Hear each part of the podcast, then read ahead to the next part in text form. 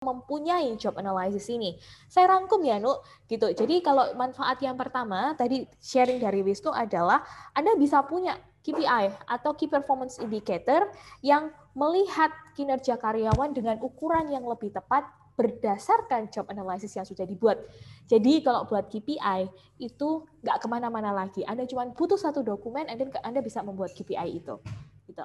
Yang kedua adalah uh, Manfaat dari job analysis itu adalah untuk sarana hiring, mencari kandidat yang tepat karena sebenarnya di job analysis Anda akan mempunyai requirement untuk um, menempati posisi yang kosong di jabatan tersebut.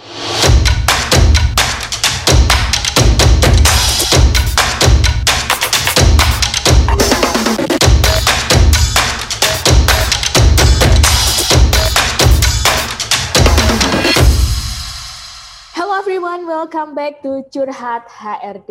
Nah, selamat datang kembali di podcast Curhat HRD, di mana di podcast Curhat HRD kita mendengarkan, menerima curhat-curhat HRD, business owner, yang pusing gitu ngelola SDM-nya, yang pusing uh, urusan karyawannya banyak banget. Di sini melalui podcast hari ini kita akan memberikan solusi terhadap masalah-masalah yang sedang terjadi di perusahaan Anda, terutama mengenai pengelolaan karyawan.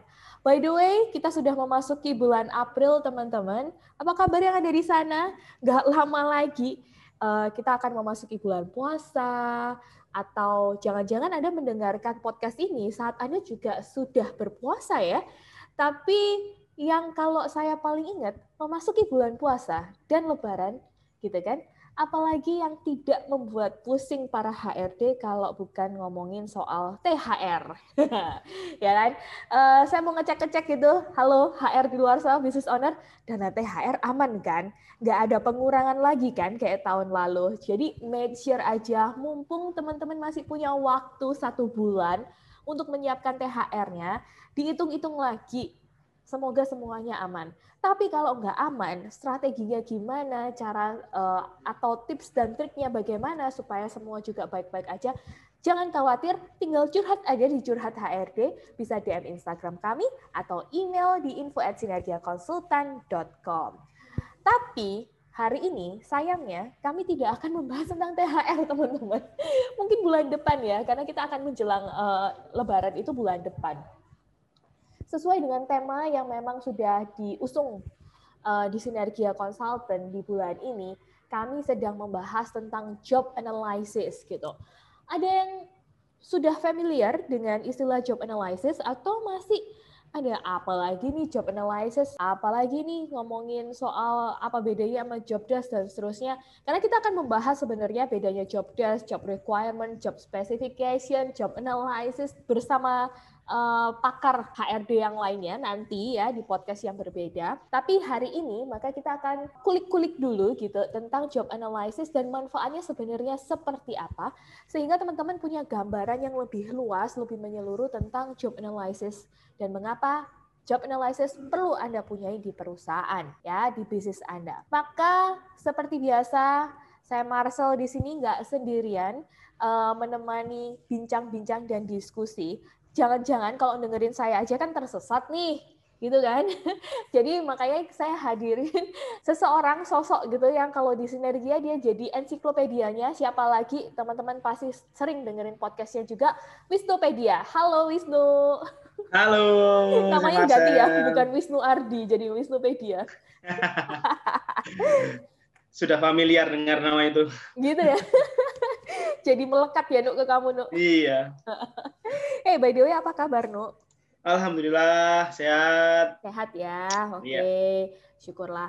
Uh, sedang sibuk apa akhir-akhir ini? Ya, saya mendampingi klien, okay, terus bikin-bikin konten, hmm. gitu ya, bikin-bikin proyek kecil, hmm. lah kurang lebih kayak gitu.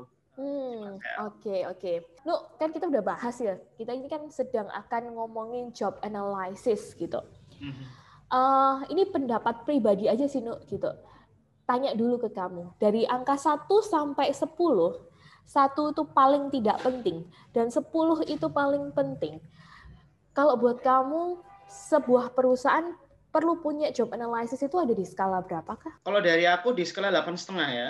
Wah, ini ya kalau punya tim kayak gini nih suka kasih setengah-setengah sama 0,75 ini kita perlu tanya lebih detail. Kenapa? Tanya satu sampai sepuluh, delapan setengah. Hmm. Oke, kenapa? Nah, ini adalah sebuah pertanyaan yang teresonansi di beberapa klien juga ya. Terkadang mm -hmm. klien itu menginginkan perusahaan yang strukturnya ramping kan gitu ya. Mm -hmm. Dan itu produktif kan. Pasti semuanya pengen ya. Mm -hmm. Strukturnya ramping dan produktif. Terus kadang-kadang yang sering selintingan di kepala saya itu uh, membayar uh, kepada orang yang tepat kan gitu ya membayar nah, pada orang yang tepat. Iya, kalau bahasanya oh. adalah right man in the right place gitu ya. Oh, right, right man, in the right, place. place. Oke. Okay. Nah, itu kan banyak ya, banyak banyak sekali perusahaan-perusahaan yang ingin melakukan hal itu ya. Mm. Nah, untuk mendapatkan hal itu salah satunya yang harus dilakukan adalah kita membuat job analysis gitu ya. Oke, iya. Itu menarik loh, membayar pada orang yang tepat. Saya jadi bertanya-tanya gitu kan. Selama ini saya bayar sama orang yang tepat nggak ya? Iya ya, jangan-jangan itu kayak uh, yang satu dia kerjanya bagus banget, tapi ternyata uh, secara apa? Uh, penghargaan yang kita kasih ke mereka ternyata nggak cukup gitu. Apresiasi yang kita kasih ke mereka berupa upah atau fasilitas ternyata nggak cukup gitu. Tapi ternyata ada yang kita berikan upah atau fasilitas yang sangat besar, eh ternyata orangnya gitu-gitu aja gitu. Iya. Hmm. Nah, itu itu sebenarnya case sama salah satu klien yang saya dampingi ya. Saat me membuat sebuah struktur skala upah gitu ya. Kami sudah buat strukturnya sudah oke, okay, sudah ya 85% sudah jadi. Tapi ya tadi yang di kepalanya dia. Nah, kalau ini struktur sudah jadi, hmm. nah bagaimana saya menetap, menetapkan orang dan hmm. membayar orang dengan bayaran yang pas yang sudah dibuat. Nah, itu kan hmm. jadi pertanyaan resonansi ya. Hmm. Oke, okay, ada strukturnya, tapi bagaimana aku bisa menentukan orang ini pas aku bayar sesuai struktur ini? Hmm. Nah, okay. makanya awal yang harus dilakukan adalah kita bisa melihat dari tadi kalau uh, Bu Marsi bilang ada job desk, job spesifikasi, ada job analysis, itu adalah sebenarnya bagian dari job uh, part of job analysis ya. Hmm. Lengkapnya itu ada di dalam job analysis. Nah, itu harus ada dulu. Itu nanti bisa dibuat uh, apa ya, landasan, landasan hmm. untuk menentukan compensation juga bisa. Hmm. Oke, oke. Hmm. Nah, artinya mungkin nanti kita akan bahas lebih detail. Boleh deh, Bu, uh, kita dibuatin kayak satu uh, bulan gitu ya, membahasnya benar-benar tentang duit, weh, menarik gitu kan. Ya, boleh, boleh itu, menarik banget. oh, ngomongin duit ini siapa yang langsung bling-bling? Saya sih langsung bling. Saya, saya, saya. Saya mau duit ya kalau kayak gitu. nah, uh, kembali ke job analysis gitu. Maka kalau sebenarnya tadi kalau Wisnu bilang job spec, job requirement, dan job-job yang lain itu sebenarnya adalah bagian dari job analysis, sebenarnya job analysis itu menurut Wisnu apa sih Oke, job analysis secara ini ya, secara harfiah orang tuh biasanya mengatakan ini ada sebuah kegiatan untuk mengumpulkan semua informasi yang ada di sana, sebuah informasi, hmm uh, terkait pekerjaan, terkait kewajiban, tanggung jawab, kan gitu ya. Uh, dalam pekerjaan-pekerjaan tertentu, gitu ya. Pekerjaan tertentu itu kalau teman, tapi biasanya perusahaan melakukan ini secara global langsung, gitu ya. Kalau cuma satu part by part dalam pekerjaan itu sayang, gitu kan. Hmm. Karena ini melakukannya kan uh, butuh effort, butuh waktu, dan butuh hal-hal yang lebih detail, gitu ya. Nah, biasanya alangkah baik itu dilakukan secara uh, massal di beberapa pekerjaan sekalian tapi kalau hmm. memang ada case tertentu untuk hmm. melakukan job analysis, ya boleh uh, kita analisa di sebuah pekerjaan tertentu atau di sebuah jabatan tertentu. Misalkan uh, ada case-nya ini kok kenapa eh, let's say manajer HR gitu ya.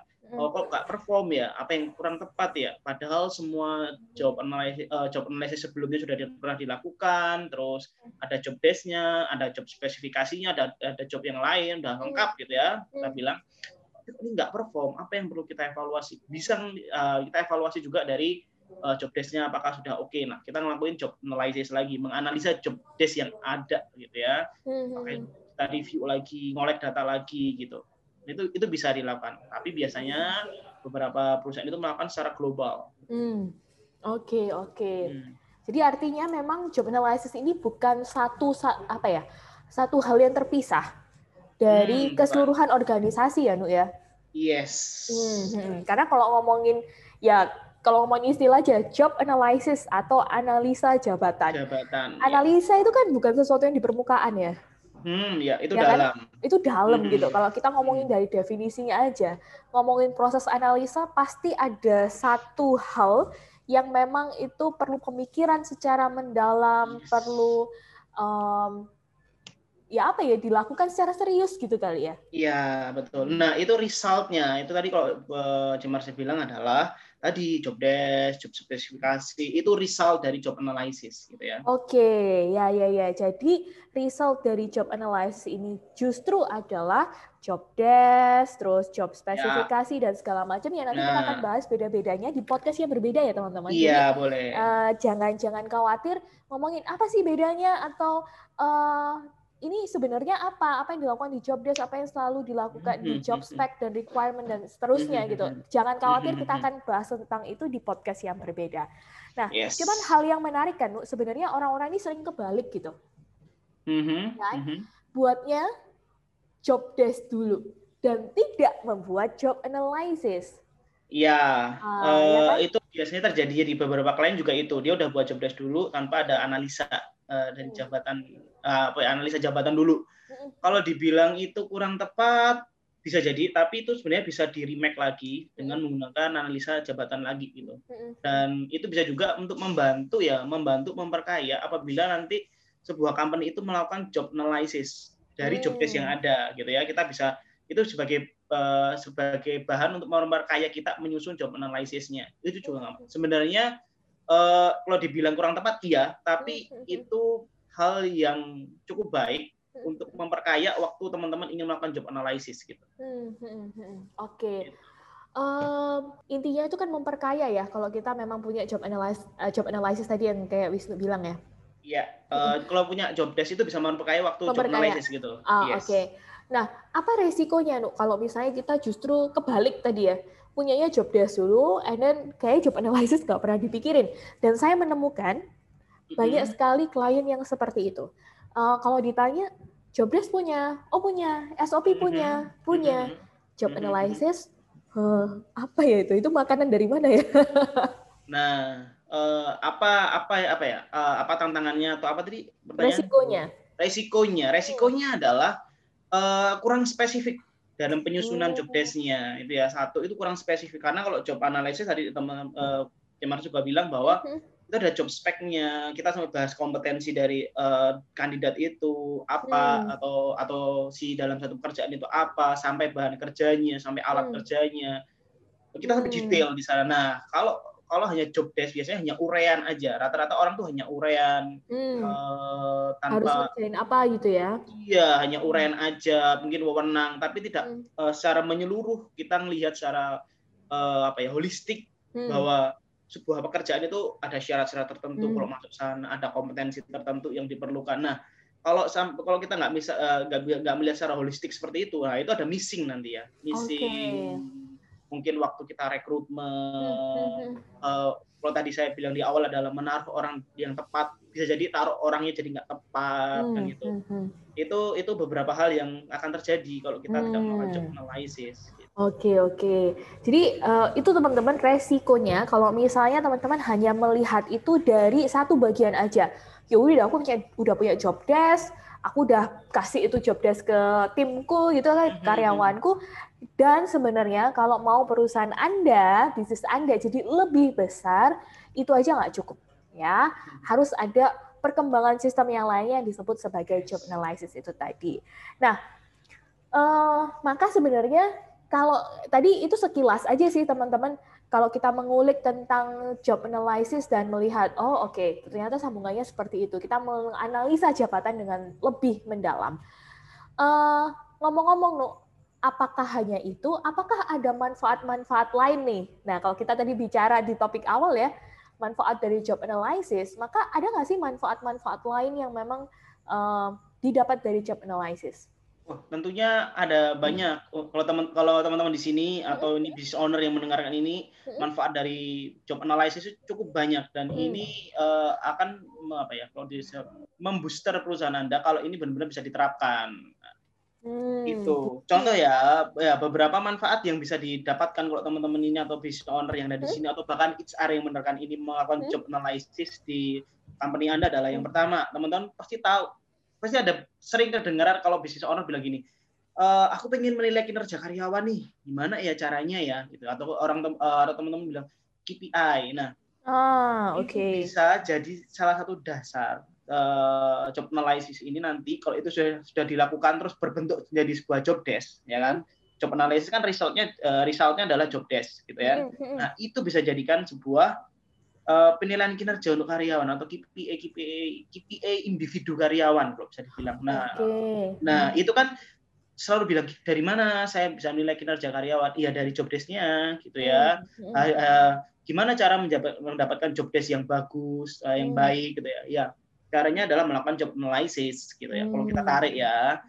Nah kayak gitu. Nah kalau teman kalau uh, HR atau business owner bilang, saya ingin mendapatkannya tapi kalau tidak ada dasar untuk menentukan orang ini baiknya di mana pekerjaannya apa apa yang harus mereka lakukan enggak cara menilainya gimana? Yang bisa kita lakukan paling cuma hanya melihat dari apa yang mereka kerjakan tapi tidak ada dokumen yang tertulis tidak ada hal-hal yang bisa kita catat untuk menilai bahwa karyawan itu kompeten kawan itu uh, karyawan itu uh, memiliki kinerja yang bagus kan tidak ada gitu ya. Mm dasar dari apa yang kita iya, iya. lihat Iya, itu itu salah satu manfaat. Kemudian okay. yang kedua, uh, job analysis yang nanti kita akan jadi sebuah job desk itu bisa jadikan untuk sarana pencarian kandidat karyawan. Oh, hiring.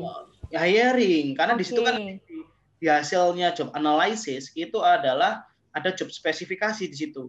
Nah, okay. si jabatan ini pendidikannya minimal uh, minimal apa? SMP, mm-hmm. SMA, pengalamannya berapa tahun, uh, perlu uh, kompetensi apa, mm-hmm. gitu ya. Nah itu kan ada juga. Bahkan kalau di tempat kita nih di Marcel sampai menyebutkan nih tesnya apa yang bisa dilakukan untuk jabatan ini kan, psikotes apa yang bisa dilakukan? Kan di kan di, di form HCA membership ada tuh sampai job analysisnya hasil job analysis sampai sampai kita menganalisa si karyawan ini atau kita rekrut jabatan ini butuh uh, psikotes apa nih kan gitu ya. Nah, itu sangat penting gitu ya. Ah. Itu bisa ah. digunakan untuk proses hiring orang okay, gitu okay. ya. Berarti di job Terus kemudian itu, bisa juga Berarti mm -hmm. analisis itu, no, sorry, aku jadi potong nih. Akan ada iya. juga yeah. uh, apa ya model minimal karakter seperti apa sih orang yang akan diterima pada pekerjaan itu ya. Tadi kalau ada yes, uh, betul. apa namanya profil psikologi ya. Mm-hmm, kalau hmm, teman-teman yang hmm. familiar pakai DISC atau MBTI, mungkin di situ akan yeah. Maka untuk pekerjaan seorang manajer nih, dia butuh profilnya DISC-nya harus D dan I, misal ya. Yes sehingga hmm. ketika mencari uh, satu kandidat untuk manajer itu ya tinggal dites aja di SC dan oh ini hasilnya ternyata yes. S sama C. Wah nggak yeah. cocok ya kan dengan nah. requirement yang ada. Seperti itu ya kira-kira ya. Iya, betul. Nah, uh, kalau kita tarik lebih jauh lagi ya, saya expand lebih jauh lagi. Biasanya kan kalau ada seorang leader ya di di produk uh, misalkan let's kita bicara satu perusahaan manufaktur gitu ya, di produksi gitu ya. Biasanya kan dia cuma minta ke HR, aku minta dong satu uh, supervisor tapi kan kita jadi HR kalau nggak ada itu bingung ya dasarnya apa, kompetensinya gimana, pengennya orang kayak apa. Nah kalau itu sudah tertulis di job desk-nya atau tadi yang kita udah ngomongkan job analysis terus semua tertuang di job desk dan ada job spec-nya.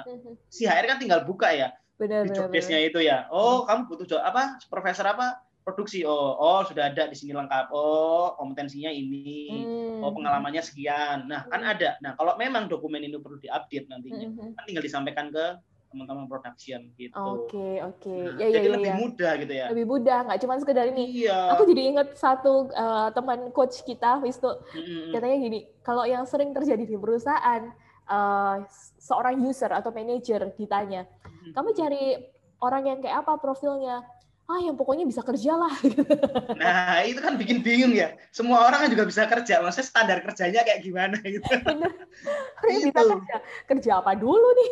gitu. Iya itu kan. Susah jadi ya. bingung yang nyari ya. Gitu ya.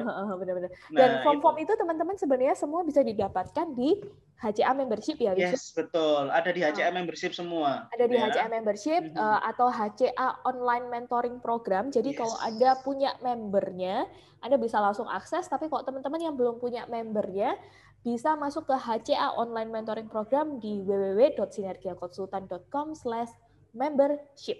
Ya, langsung ya. aja ke sana. Oke, okay, kita langsung masuk ke manfaat yang berikutnya. Ada lagi? Nah, ada. Ini masih ada beberapa manfaat yang hmm. untuk uh, yang bisa didapatkan apabila teman-teman melakukan job analysis. Hmm. Yang ketiga adalah sebagai sarana pelatihan dan pengembangan karyawan, gitu ya. Oh, oke. Okay. Nah, hmm. kan di sini kan biasanya bingung ya.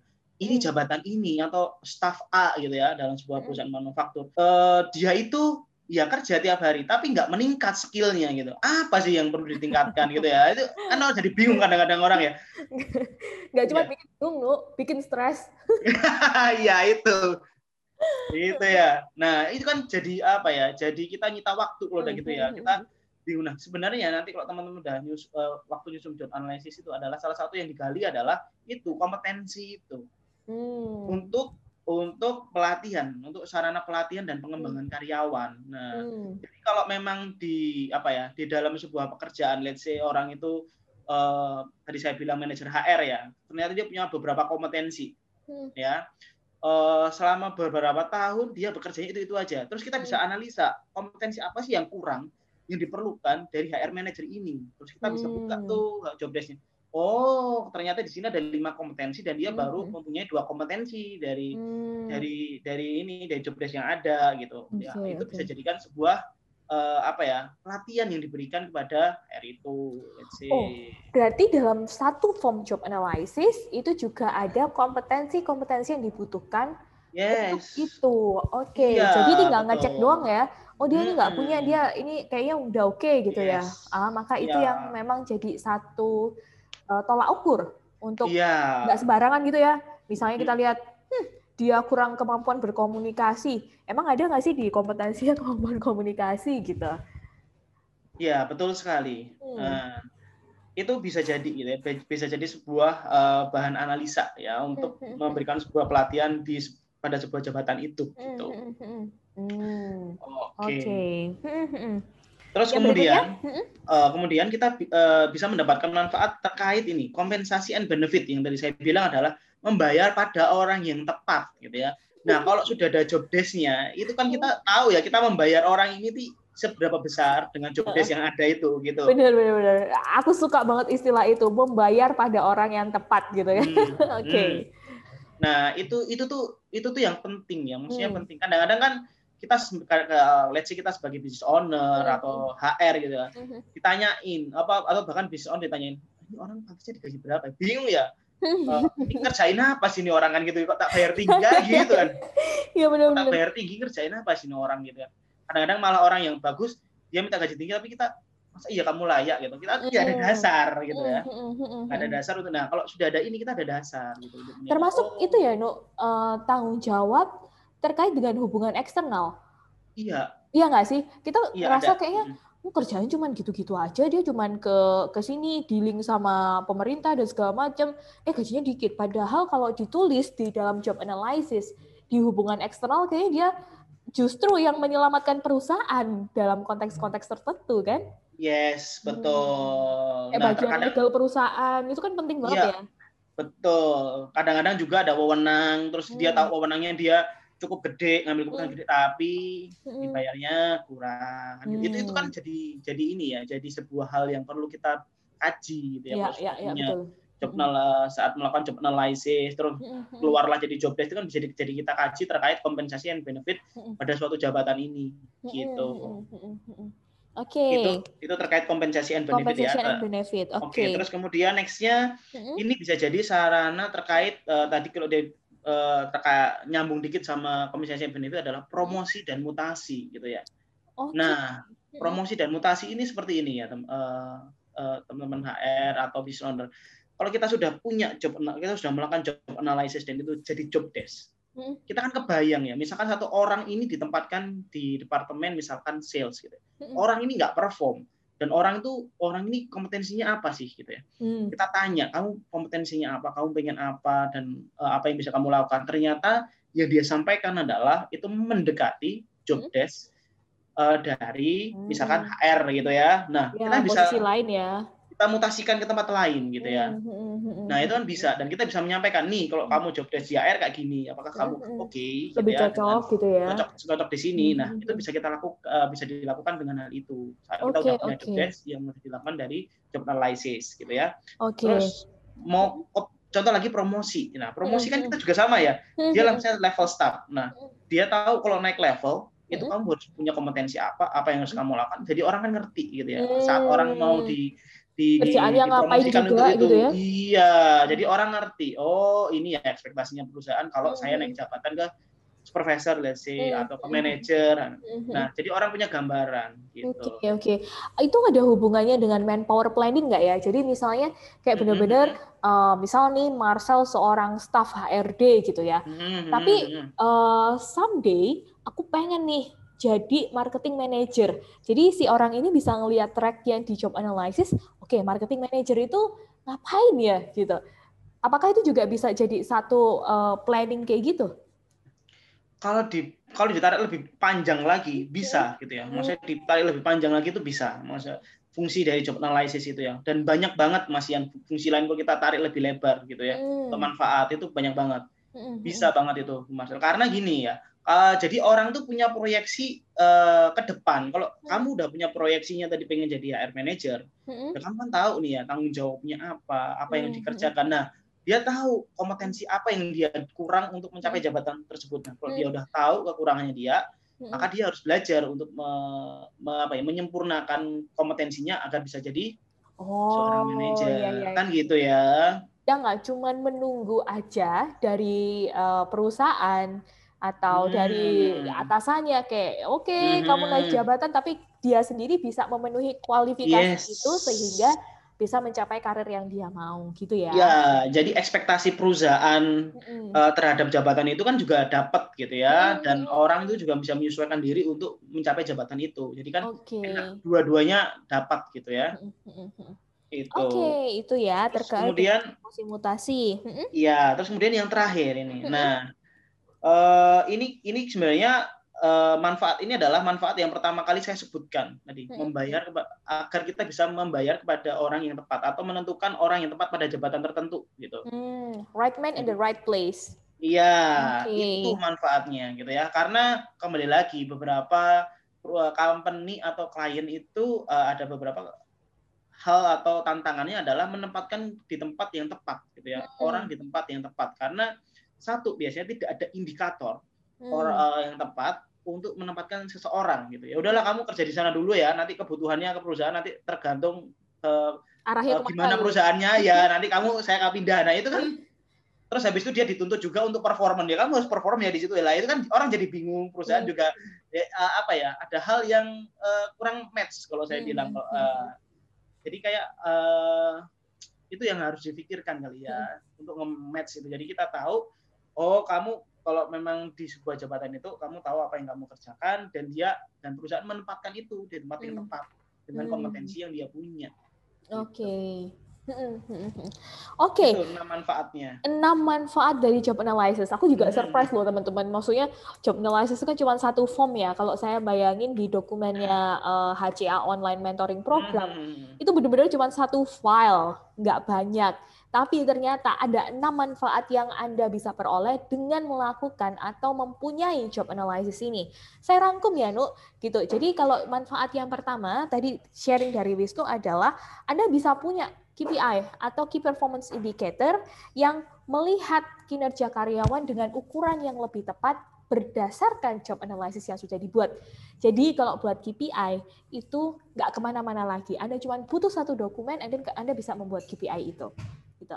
Yang kedua adalah uh, manfaat dari job analysis itu adalah untuk sarana hiring, mencari kandidat yang tepat karena sebenarnya di job analysis Anda akan mempunyai requirement untuk um, menempati posisi yang kosong di jabatan tersebut. Misalnya, profil psikologisnya seperti apa, Anda butuh orang dengan uh, profil yang bagaimana, atau Anda butuh mereka yang sudah bisa apa, semuanya ada di job analysis dan ini akan bermanfaat untuk hiring.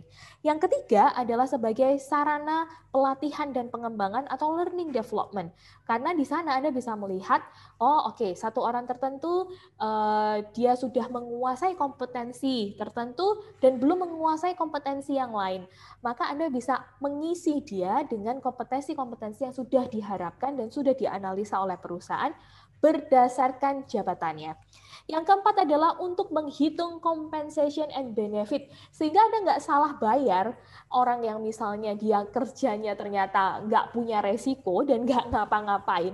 Anda bayar lebih tinggi gitu. Tapi yang justru dia kerjanya punya resiko, punya tanggung jawab lebih besar, eh ternyata dibayarnya lebih kecil. Nah, maka manfaat job analysis yang keempat adalah menghitung menghitung compensation and benefit yang bisa diterima oleh karyawan.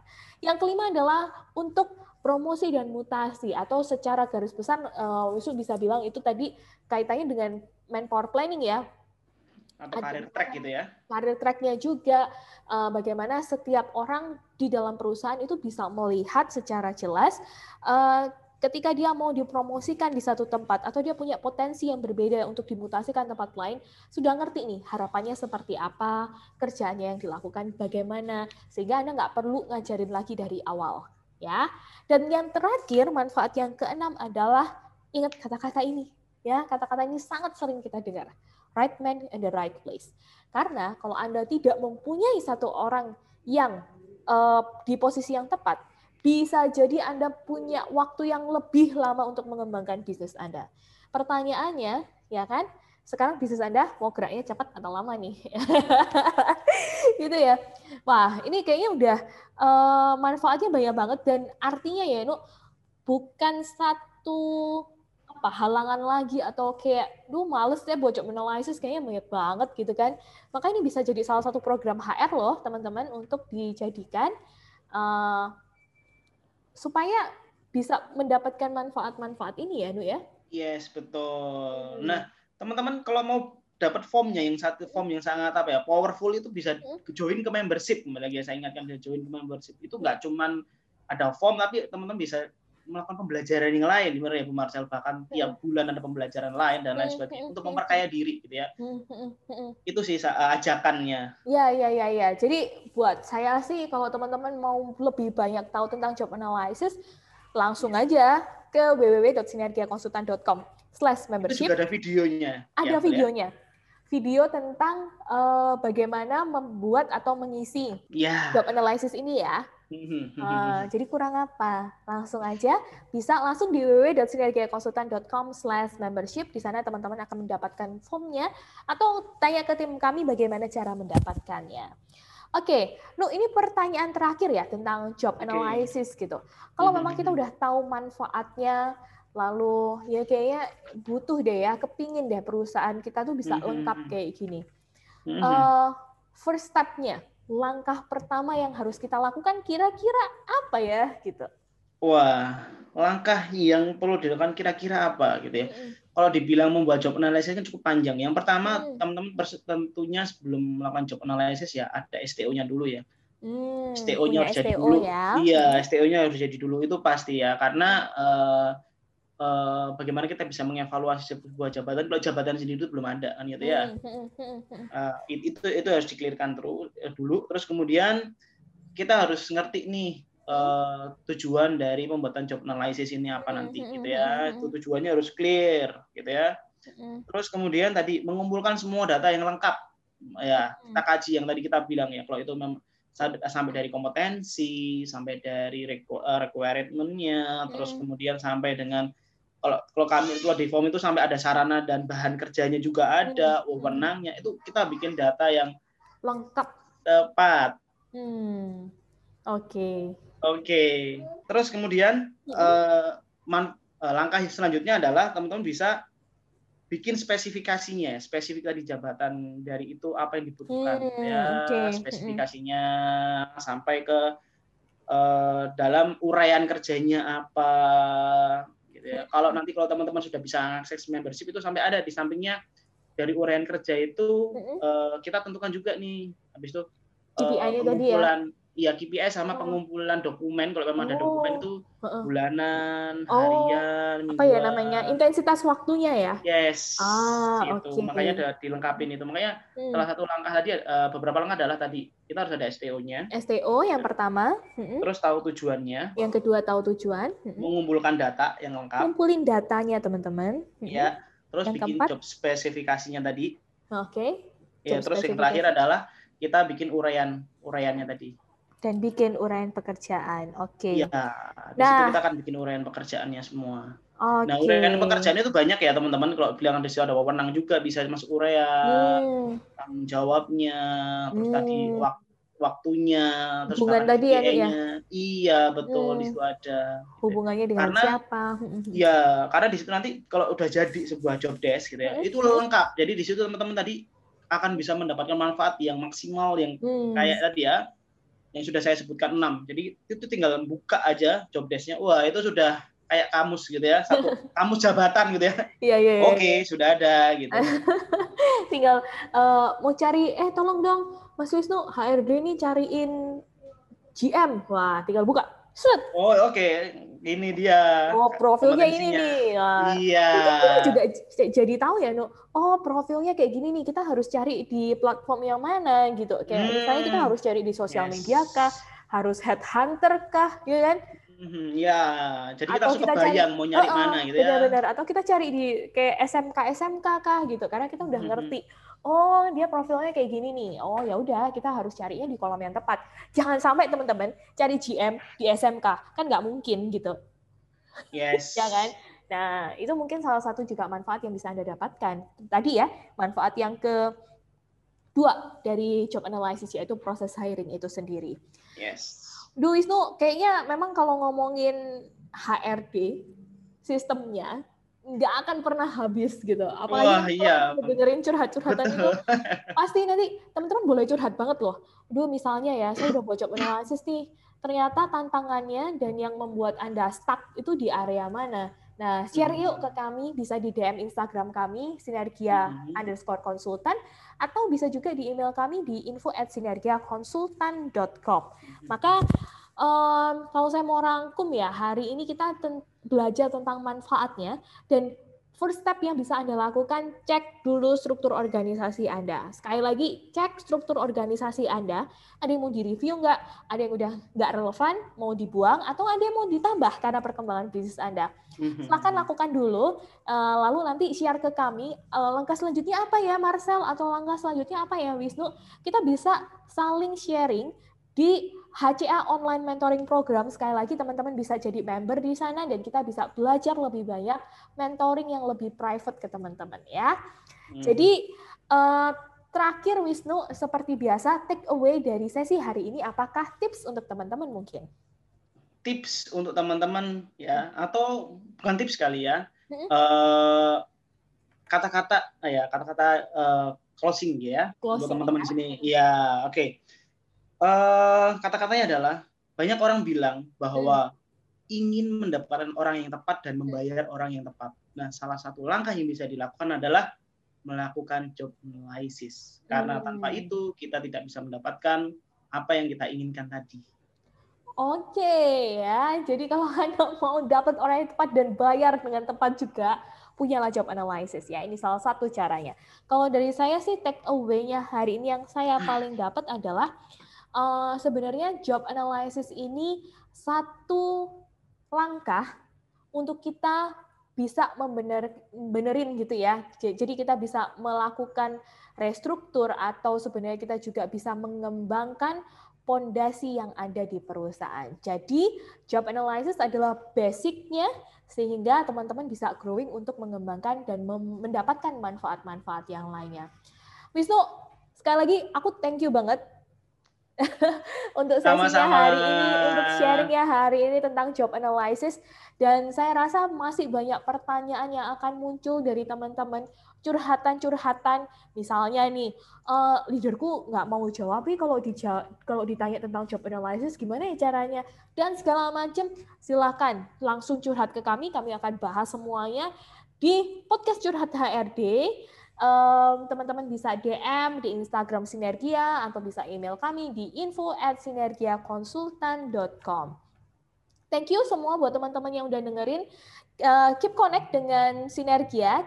Bisa dengerin terus podcast Curhat HRD atau gabung di media-media pembelajaran kita yang lainnya, bisa di HC Online Mentoring Program, atau follow Instagramnya Sinergia di @sinergia underscore konsultan, atau bisa juga follow Instagramnya Wisnu di wisnu.ardi wisnu.rd. Ardinya pakai ARDHI. ARDHI, iya ARDHI, ya. Bisa sharing-sharing sama Wisnu juga di situ, oke? Okay? Thank you sekali lagi buat para pendengar. Kita akan ketemu lagi di podcast berikutnya. Stay safe, stay productive, and keep your energy to sale. Bye! Bye!